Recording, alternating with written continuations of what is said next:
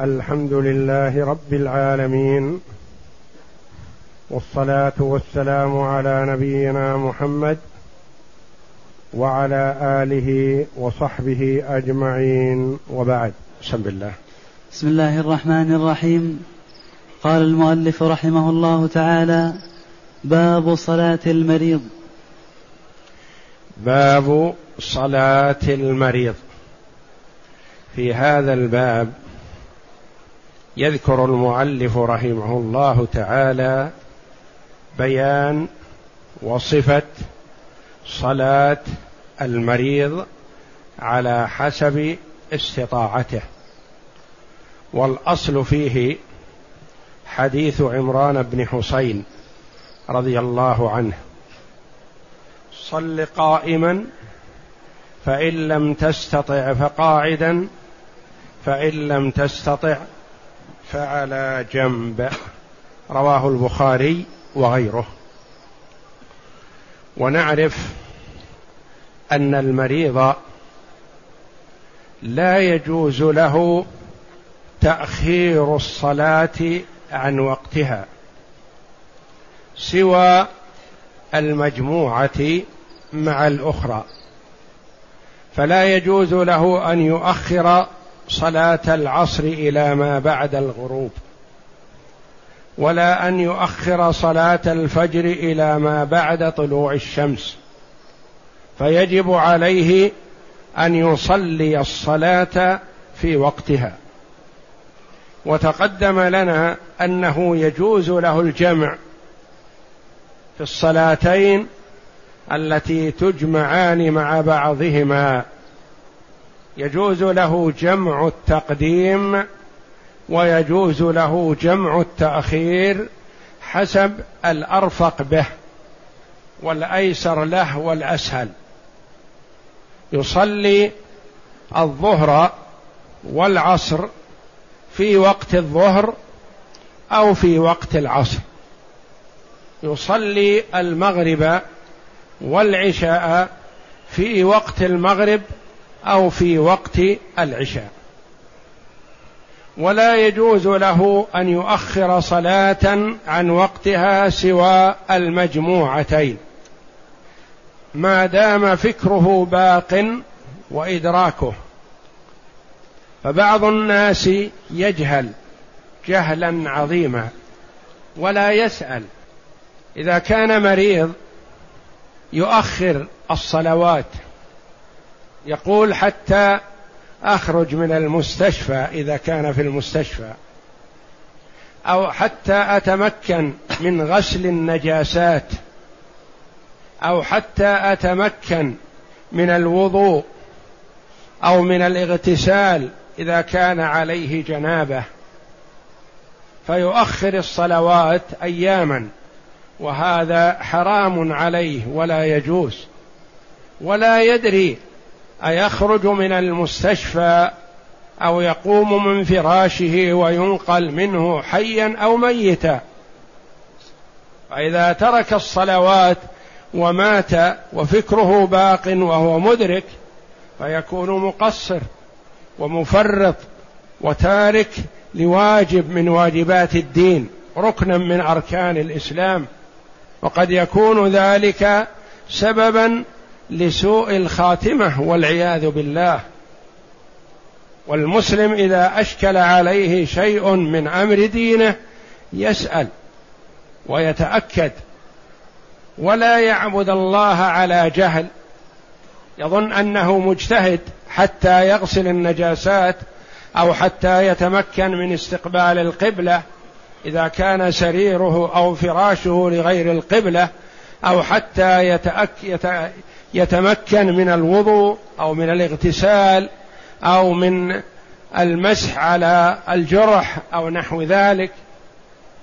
يظن أن هذا عذر وليس بعذر. والله جل وعلا يقول فاتقوا الله ما استطعتم. ويصلي الصلاة على حسب استطاعته. وقد بين الحكم والحمد لله. يصلي قائما فإن لم يستطع فقاعدا فإن لم يستطع فعلى جنب فإن لم يستطع فمستلقيا إن استطاع يؤمي إيماء وإلا بطرفه وإلا بقلبه. يستشعر الانتقالات. يصلي بوضوء وطهارة كاملة فإن لم يستطع بوضوء فبتيمم. يصلي بطهارة البقعة والمكان والثوب فإن لم يستطع فعلى حسب استطاعته فعلى حسب ما يتيسر له لا يكلف الله نفسا إلا وسعها. المهم أن المسلم يعبد الله على بصيرة. فإن أشكل عليه شيء من أمر دينه فلا يجتهد. ويعمل ما يتراءى له أنه الصواب بل إن كان طالب علم يرجع إلى الكتاب والسنة وإن كان لا يدرك فليسأل أهل العلم. فالله جل وعلا يقول فاسألوا أهل الذكر إن كنتم لا تعلمون. وما من شيء من أمور الشريعة وما من حالة من حالات الإنسان إلا وقد بينت في شريعتنا ولله الحمد. يقول الله جل وعلا ما فرطنا في الكتاب من شيء ويقول عليه الصلاة والسلام تركتكم على المحجة البيضاء ليلها كنهارها لا يزيغ عنها إلا هالك كل شيء مبين ولله الحمد. ما في شيء يخفى. وإنما إن خفي على أناس أدركه آخرون والحمد لله. العلماء في هذه الأمة يقومون مقام الأنبياء صلوات الله وسلامه عليهم أجمعين في الأمم السابقة. في الأمم السابقة إذا مات نبي خلفه نبي آخر. وهذه الأمة نبيها هو خاتم الأنبياء وخاتم المرسلين صلوات الله وسلامه عليه وعليهم أجمعين. فلا نبي بعده ولا رسول بعده ولكن علماء أمته ورثة الأنبياء. والأنبياء عليهم الصلاة والسلام ما ورثوا دينارا ولا درهما وإنما ورثوا العلم. فكل شيء والحمد لله من أمر شريعتنا ظاهر بين إن خفي على أناس علمه آخرون من أهل العلم. فبعض الناس يستحي أن يسأل أو يظن أن عمله صواب وهو على غير هدى ولا يليق به ذلك. فإذا تعبد الله على جهل وضلال شابه في هذا النصارى. لأنه كما قال بعض العلماء من كان هو علم من كان عنده علم من هذه الأمة فلم يعمل به فقد شابه اليهود. ومن لم يكن عنده علم وعبد الله على جهل وضلال فقد شابه النصارى. والله جل وعلا أمرنا أن نسأله السلامة من طريقة اليهود وطريقة النصارى وأن يهدينا صراط الذين أنعم الله عليهم من النبيين والصديقين والشهداء والصالحين. اهدنا الصراط المستقيم صراط الذين أنعمت عليهم غير المغضوب عليهم وهم اليهود. ولا الضالين وهم النصارى. فاليهود مغضوب عليهم عندهم العلم فلم يعملوا به والنصارى ضالون يعبدون الله من عبده منهم على جهل وضلال. المفروض في المسلم إذا أشكل عليه شيء من أمر دينه أن يسأل أهل العلم ولا يستحي. إذا عجز عن الصلاة قائما صلى قاعدا لقول النبي صلى الله عليه وسلم لعمران بن حصين صل قائما فإن لم تستطع فقاعدا فإن لم تستطع فعلى جنب رواه البخاري. وصلى النبي صلى الله عليه وسلم بأصحابه قاعدا وهو شاك. يقول إذا عجز عن الصلاة قائما صلى قاعدا. إذا عجز عن القيام صلى قاعد. لقول النبي صلى الله عليه وسلم لعمران بن حسين صل قائما يعني أد الصلاة قائما. فإن لم تستطع وهذا ليس لعمران وحده هذا تشريع للأمة. فإن لم تستطع فقاعدا فإن لم تستطع ما تستطيع الجلوس. فعلى جنب. رواه البخاري وغيره. وصلى النبي صلى الله عليه وسلم بأصحابه قاعدا وهو شاك يعني مريض. يشكي مرضا. صلى قاعدا عليه الصلاة والسلام. وصفة جلوسه على ما ذكرنا في صلاة التطوع. وصفة جلوسه على ما ذكرناه في صلاة التطوع. لأنه مر لنا قريبا في صلاة التطوع أنه يجوز للمتطوع في الصلاة يعني النافلة أن يصلي قاعدا وإن كان قادرا على القيام. لأن النفل يشرع فيه التطويل لأن المرء يصلي لنفسه فيصلي لنفسه فيطول. يقرأ جزء من القرآن جزئين ثلاثة في الركعة الواحدة. النبي صلى الله عليه وسلم قرأ البقرة والنساء وآل عمران في ركعة واحدة نفلا. النوافل لا في الفريضة. فالمرء في النافلة يشرع له أن يطيل القراءة وأن يكثر. والله جل وعلا يقول وقوموا لله قانتين. من مما فسر به المفسرون رحمهم الله القنوت إطالة القيام في القراءة إطالة القراءة. فقد يشق عليه القيام في إذا أطال الركعة فيجلس. والنبي صلى الله عليه وسلم كما قالت عائشة رضي الله عنها يصلي ليلا طويلا قائما وليلا طويلا قاعدا. وكان يقرأ كثيرا وهو قائم ثم أحيانا يجلس وهو قائم ويقرأ. ثم يقوم ويقرأ بالثلاثين والأربعين آية ثم يركع صلوات الله وسلامه عليه. فالتطوع تشرع فيه الإطالة. وما دام أنها شرعت الإطالة فقد خفف الله عن عباده بالقيام. فلم يكن القيام ركنا من أركان الصلاة في التطوع بخلاف الفريضة. الفريضة يجب أن يكون قائما. إلا إذا لم يستطع. فإذا استطاع فيجب القيام ولا يصح أن يصلي قاعدا وهو قادر. الفريض النافلة يصح أن يصلي قاعدا وهو قادر على القيام. يصلي قائما ثم يجلس ويقرأ يستريح ثم يقوم ويقرأ ويركع. وله أن يصلي كل صلاته قاعدا.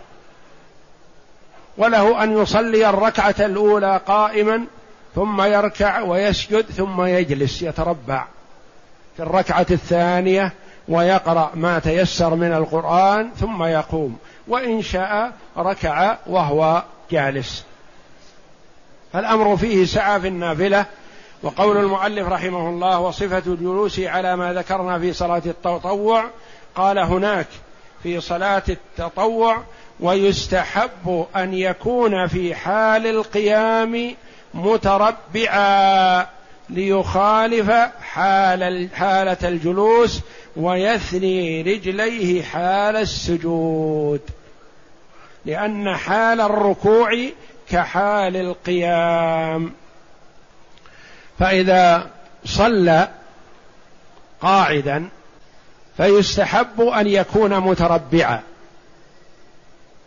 فإذا أراد أن يركع إن شاء قام وركع وإن شاء ركع وهو متربع. هكذا. وجعل ثم خفض رأسه وركع. ثم يرفع وهو متربع. ثم يسجد. فإذا قام من السجود ثنى رجليه.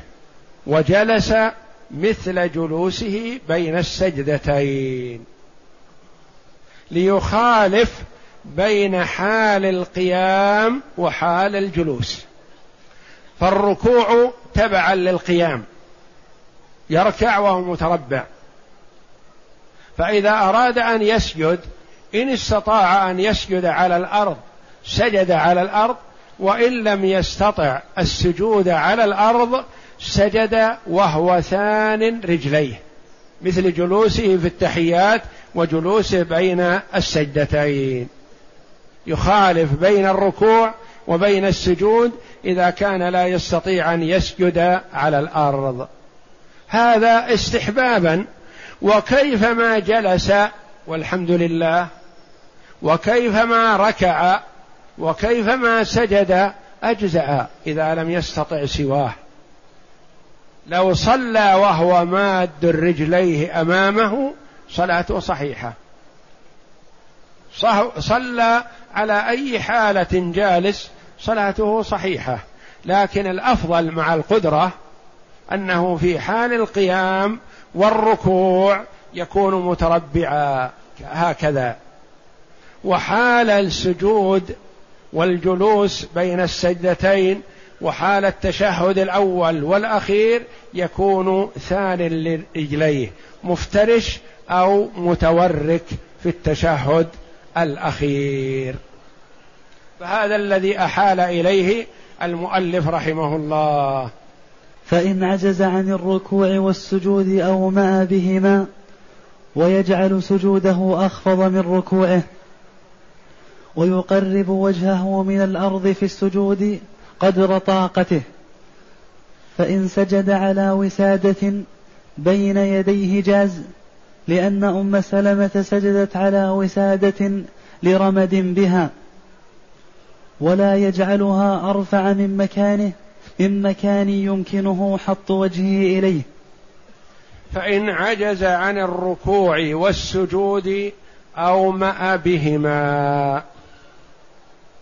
ويجعل السجود أخفض من الركوع.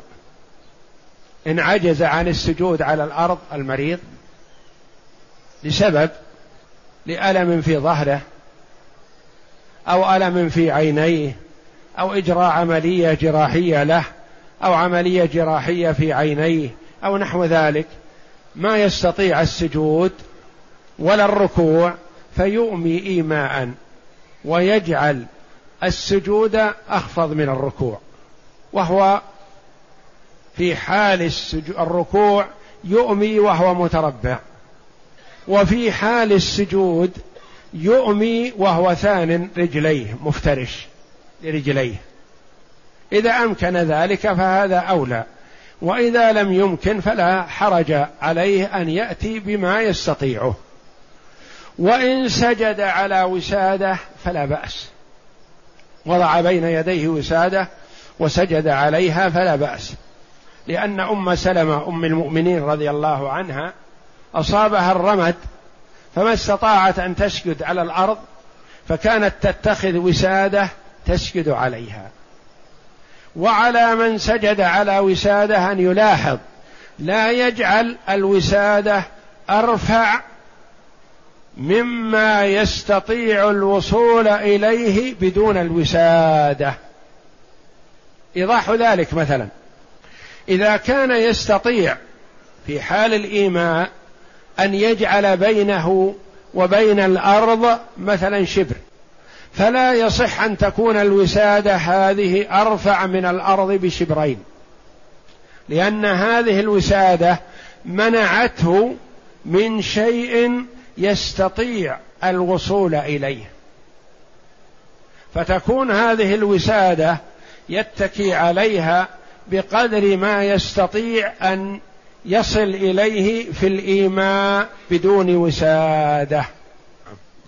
وإن أمكنه الصلاة قائما وحده ولم تمكنه مع الإمام إلا بالقعود في بعضها فهو مخير فيها. لأنه يفعل في كل واحدة منها واجبا ويترك واجبا. وإن أمكنه المريض الصلاة قائما وحده ولم تمكنه مع الإمام إلا بالقعود نقول أنت بالخيار.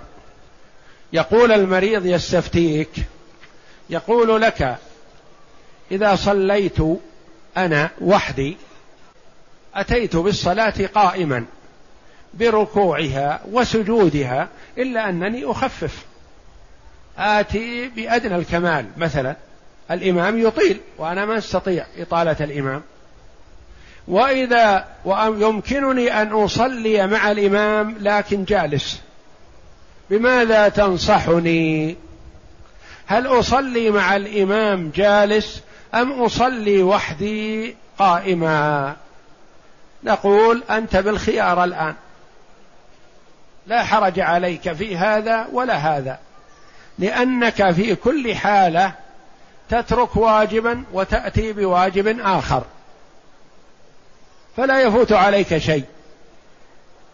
تترك صلاة الجماعة لكن تأتي بواجب الذي هو القيام في الفرض. فمع الإمام ما تستطيع القيام. إذا صليت وحدك صليت قائما. فتأتي بركن من أركان الصلاة وهو القيام. وإذا صليت مع الإمام ما استطعت أن تأتي بهذا الركن فتركت القيام وصليت قاعدا. نقول في هذه الحال أنت بالخيار. الأمر إليك. اختر لنفسك ما تراه أخف لك.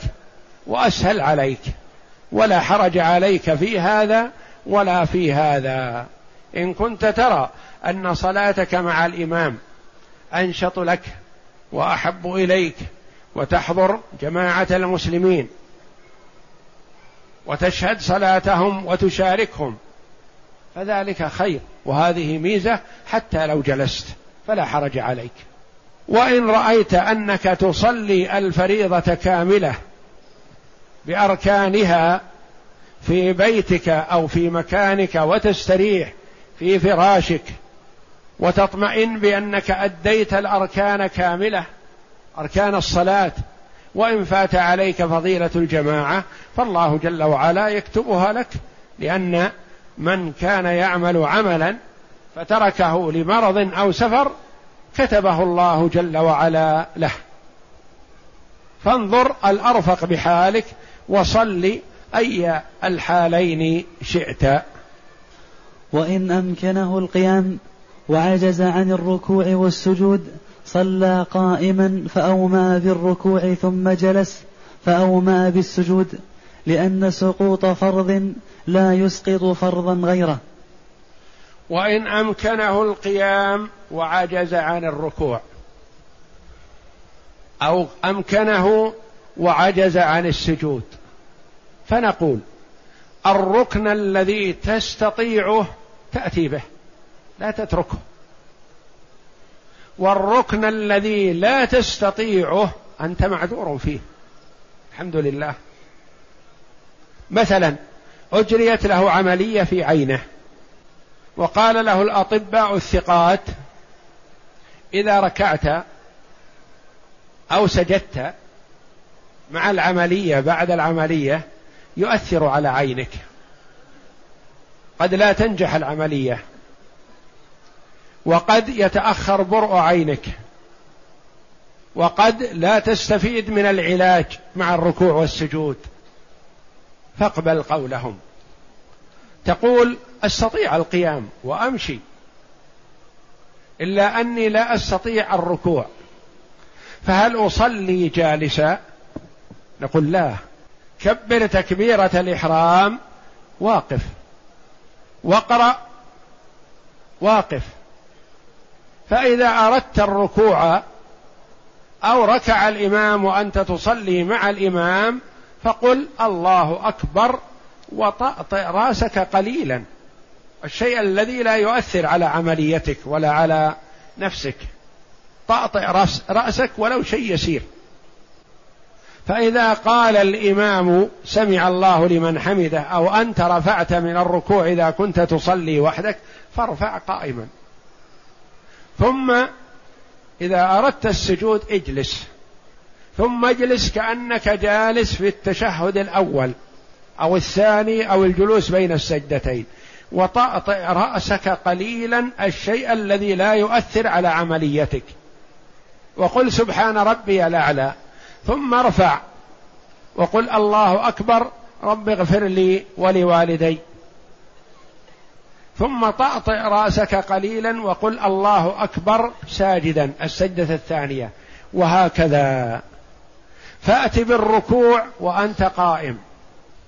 وأت بالسجود وأنت جالس. ولا تصلي متربعا وأنت تستطيع القيام. ولا تسجد وأنت واقف وأنت تستطيع الجلوس. ولا تركع وأنت جالس وأنت تستطيع القيام.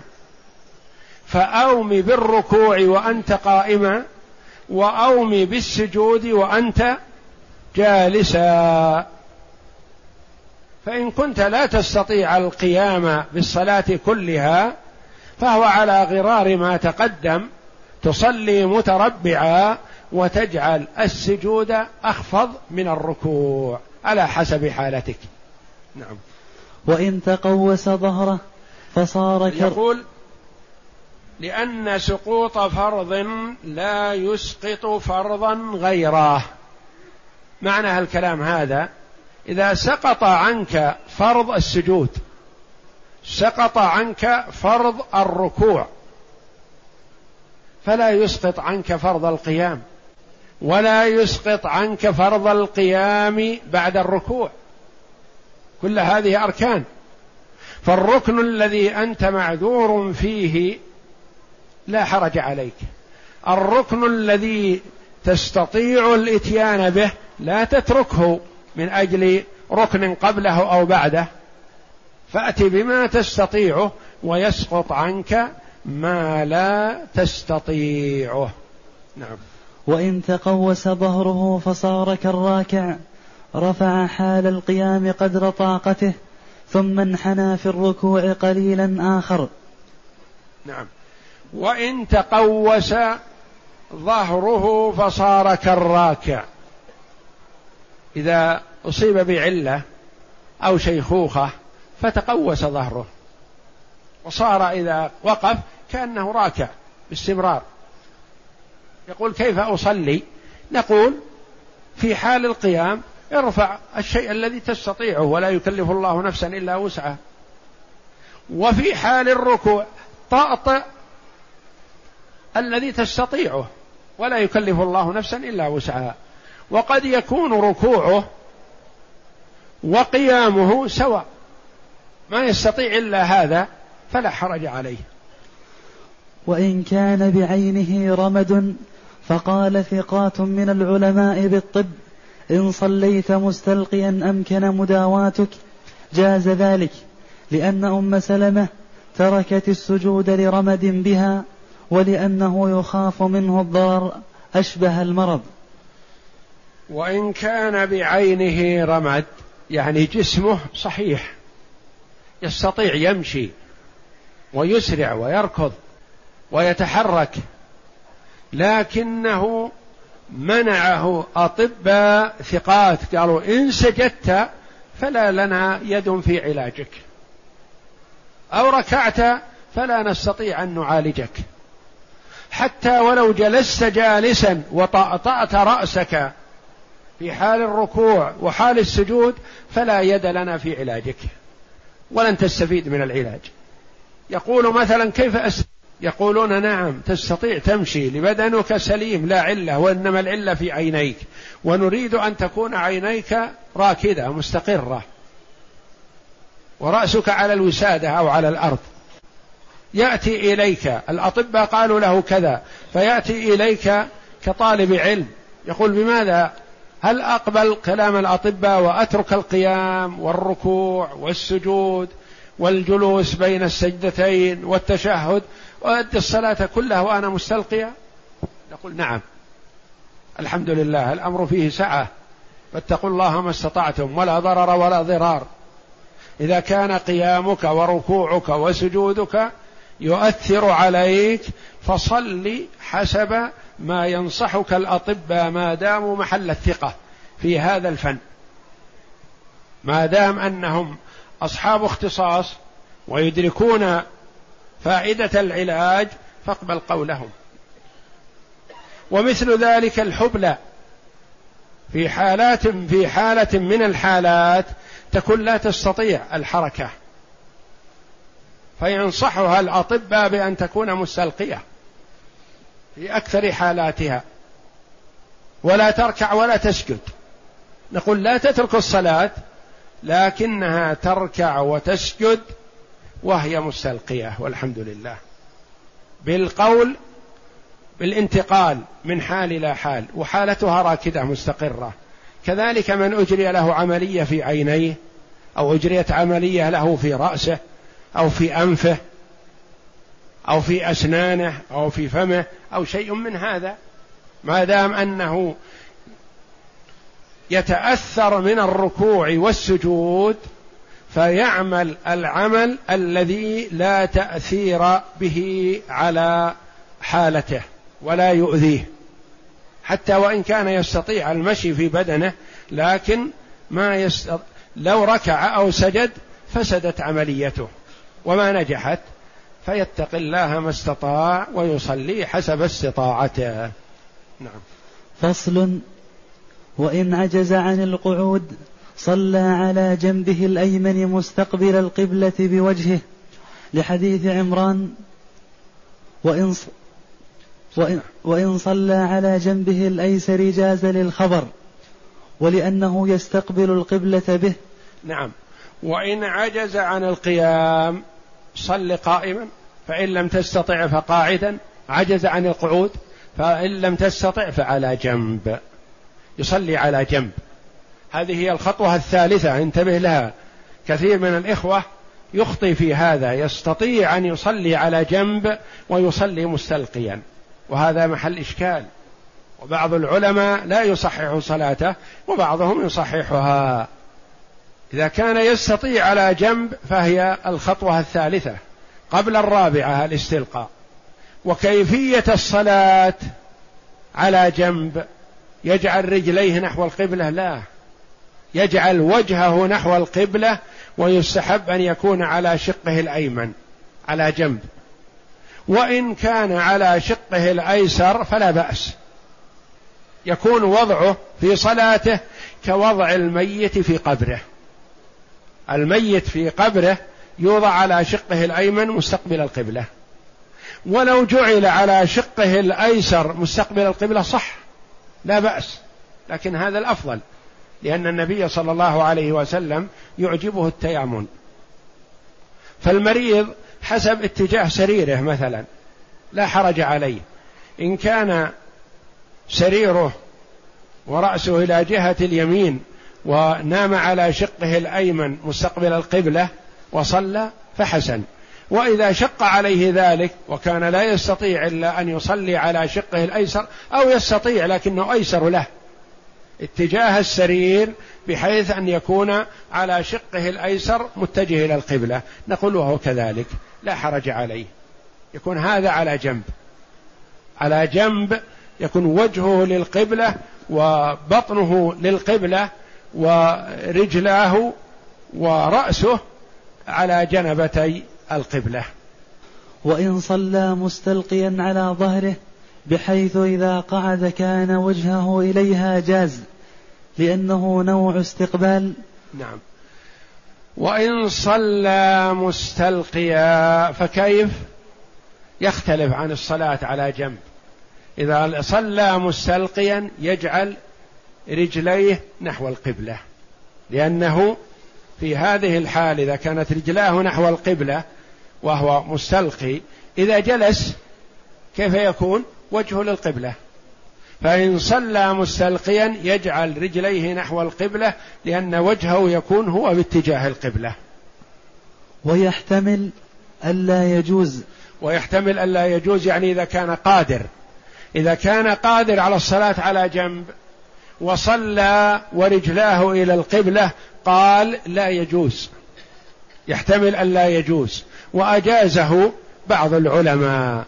قال لو استطاع أن يكون على جنب وجعل رجليه نحو القبلة وصلى مستلقيا صح وبعضهم يقول لا هذا ترتيب فلا بد أن يكون أولا قائما فإن لم يستطع فقاعدا فإن لم يستطع فعلى جنب فإن لم يستطع فمستلقيا. نعم. لمخالفته الأمر وتركه الاستقبال بوجه يعني إذا صلى مستلقيا وهو قادر على على الجنب قال يحتمل أن لا يجوز. نقول لما يرحمك الله؟ يقول لمخالفته الأمر لأنه خالف أمر النبي صلى الله عليه وسلم. النبي صلى الله عليه وسلم قال له صل قائما فإن لم تستطع فقاعدا فإن لم تستطع فعلى جنب. وما قال له مستلقيا؟ خالف الأمر. إلا إذا لم يستطيع فينتقل إلى الرابع. هذا لا إشكال. إذا لم يستطع فلا إشكال. نعم. وتركه الاستقبال بوجهه وجملته. لأنه إذا استلقى ما استقبل القبلة بوجهه ولا استقبل القبلة بجملته. متى يكون مستقبل؟ إذا جلس. يعني هو أقرب للاستقبال إذا كان على جنب مثل ما يوضع الميت. نعم. فإن عجز عن الصلاة على جنبه صلى على ظهره. ويومئ بالركوع والسجود برأسه فإن عجز فب... بطرفه. فبطرفه ولا تسقط الصلاة عنه ما دام عقله ثابتا. فإن عجز عن الصلاة على جنب صلى على ظهره يعني ظهره إلى الأرض مستلقيا. ويؤمي برأسه في الركوع والسجود إن استطاع. إن استطاع أن يحرك رأسه فبها ونعمت وإلا فبطرفه. يكبر مثلا ويقرأ ثم يقول يومي بطرفه يشير بطرفه أنه ركع بطرفه ويقول الله أكبر سبحان ربي العظيم. وهو على حالته ما تغير إلا بطرفه فقط أشار. ثم يقول بطرفه يشير بطرفه ويقول سمع الله لمن حمده. ثم يشير بطرفه ويقول الله أكبر سبحان ربي الأعلى كأنه سجد وهو على حالته. يعني انتقالاته بطرفه خلافا لما يظنه بعض العوام أنه بإصبعه لا الأصبع ما ورد. الوارد برأسه يومي برأسه. فإذا لم يستطع برأسه فيومي بطرفه بعينه فقط. وأما الإصبع فلا.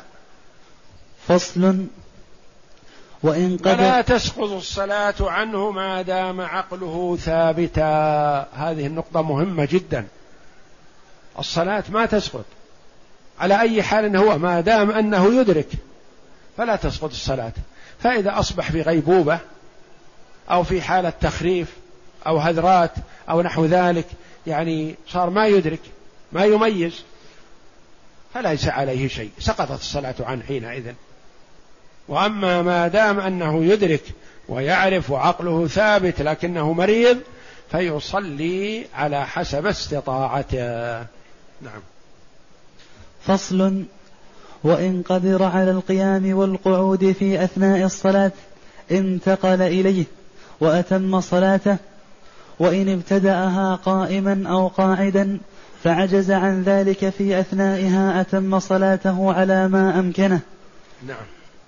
لأنه لأنه يجوز أن يؤدي جميعها قائما حال القدرة وقاعدا حال العجز فجاز أن يفعل بعضها قائما مع القدرة وبعضها قاعدا مع العجز.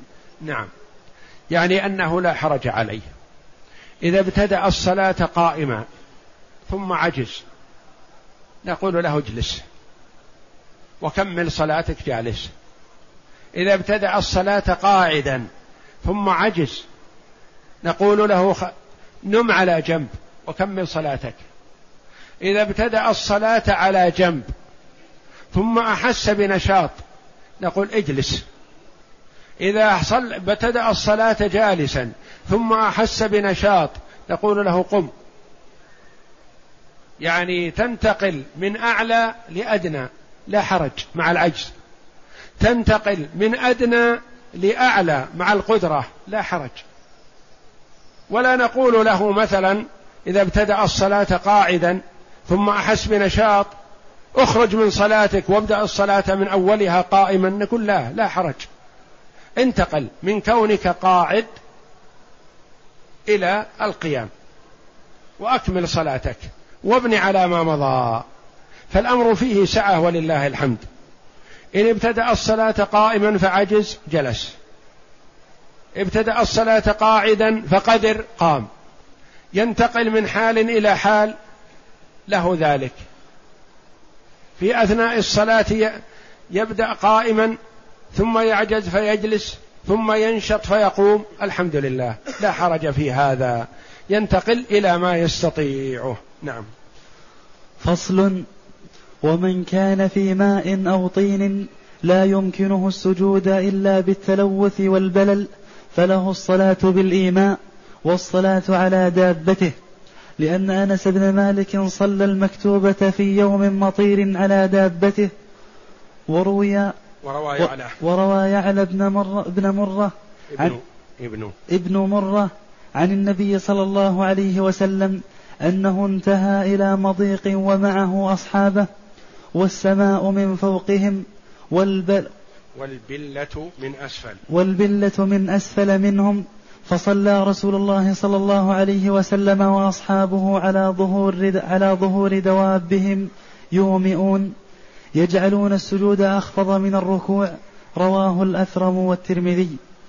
ومن كان في ماء أو طين لا يمكنه السجود إلا بتلوث أو البلل فله الصلاة بالايمان لو كان مثلا في البحر أو في النهر وخشي من فوات الوقت إن استطاع إن صبر حتى يخرج. ما يستطيع الوقت يخرج قبل أن يخرج من البحر أو النهر أو الماء الذي هو فيه. نقول صل في الماء الذي أنت فيه وأومئ ماء. يقول ما أستطيع أسجد ولا أركع وأنا في الماء والبحر. نقول صل بالإيماء. وأت بما تستطيعه ولا حرج عليك فيما لا تستطيعه. إذا كان الجماعة مسافرون مثلا على دوابهم أو في سيارتهم أو نحو ذلك مثلا. ولا يستطيعون النزول إلى الأرض. والسماء من فوقهم تمطر والأرض وحل من تحت. فيصلون في مكانهم جلوسا. على رواحلهم أو في سيارتهم أو في مكان ركوبهم لا حرج. لأنه ثبت أن أنس بن مالك رضي الله عنه صلى على دابته في يوم مطير. وروى على بن مرة عن النبي صلى الله عليه وسلم أنه انتهى إلى مضيق ومعه أصحابه. المضيق كأنه مجرى وادي يعني يتراك يتكاثر فيها الماء. فما يستطيعون النزول الأرض ماء والسماء من فوقهم تمطر. فتقدم النبي صلى الله عليه وسلم أمامهم براحلته وصفوا برواحلهم خلف النبي صلى الله عليه وسلم وصلى بهم الفريضة وهم على رواحلهم يؤمئون إيماء يجعلون السجود أخفض من الركوع. نعم.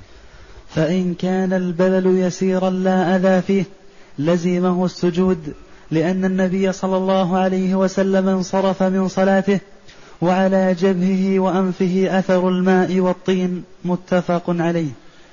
وإن كان البلل يسيرا لا أذى فيه لزمه السجود. يعني إذا كانت الأرض رطبة ندية وليست وحل شديد ولا مطر شديد وإنما يستطيع الركوع والسجود ويسجد على الأرض وإنما يؤثر على جبهته بالبلل والطين فلا بأس بهذا إذا كان يسيرا لأنه ثبت أن النبي صلى الله عليه وسلم في صلاة صلوات الفجر آه، سجد وأثر الماء والطين على جبهته. وهذا الأثر ثابت في علامة من علامات ليلة القدر. أن النبي صلى الله عليه وسلم رأى أنه في صبيحتها يسجد في الماء والطين. وفعلا تلك الليلة سجد صلى الله عليه وسلم في في الصباح في ماء وطين من أثر المطر. نعم. وهل تجوز الصلاة على الدابة لأجل المرض؟ فيه روايتان. إحداهما تجوز اختارها أبو بكر لأن مشقة النزول في المرض أكثر من المشقة بالمطر. والثانية لا تجوز لأن ابن عمر كان ينزل مرضاه ينزل, مرض ينزل مرضاه ولأن الصلاة على الأرض أسكن له وأمكن بخلاف صاحب الطين فإن نعم. وهل تجوز الصلاة على الدابة لأجل المرض؟ مثلا مريض ما يستطيع أن يصلي ينزل بالأرض. لازم يصلي على الدابة أو يصلي على الطيارة أو على السيارة أو على أي مكان هو فيه. نقول إن استطاع النزول ينزل. ما استطاع فلا حرج. يقول يستطيع النزول وإنزاله لكن في مشقة. في مشقة عليه وعلى رفقته. نقول لا حرج عليه. لا حرج عليه بأن يصلي على دابته وهو اختيار أبي بكر. وهنا إذا قال أبو بكر اختارها أبو بكر المراد به أبو بكر من أصحاب الإمام أحمد. رحمهم الله وليس المراد بأبي بكر الصديق رضي الله عنه. والرواية الثانية أنه ينزل ويتحمل ما يناله من مشقة أو مشقة رفقته. لأنه لأن ابن عمر رضي الله عنه قالوا كان ينزل مرضاه إذا كان معه مريض على دابة يقول أنزلوه يصلي في الأرض. إذا خشي الضرر بنزوله أو خشي فوات الرفقة هو مثلا يشق عليه النزول وإن نزل تأخر وربما ذهبت رفقته وتركوه وهو مريض فنقول يصلي على راحلته ولا حرج. نعم. فإن خاف المريض بالنزول ضررا غير محت... غير محتمل لانقطاع لانقطاع عن الرفقة ونحوه فله الصلاة عليها رواية واحدة. يعني إذا كان عليه ضرر فيدرأ الضرر ويصلي على الراحلة ولا إشكال في ذلك. نعم. لأنه خائف على نفسه فأشبه الخائف من عدوه. والله أعلم. كما أن الخائف من عدوه إذا كان ملحوق من عدو فله أن يصلي على راحلته وله أن يصلي وهو سائر ونحو ذلك كما تقدم لنا في صلاة أهل الأعذار. والله أعلم. وصلى الله وسلم وبارك على عبده ورسول نبينا محمد وعلى آله وصحبه أجمعين.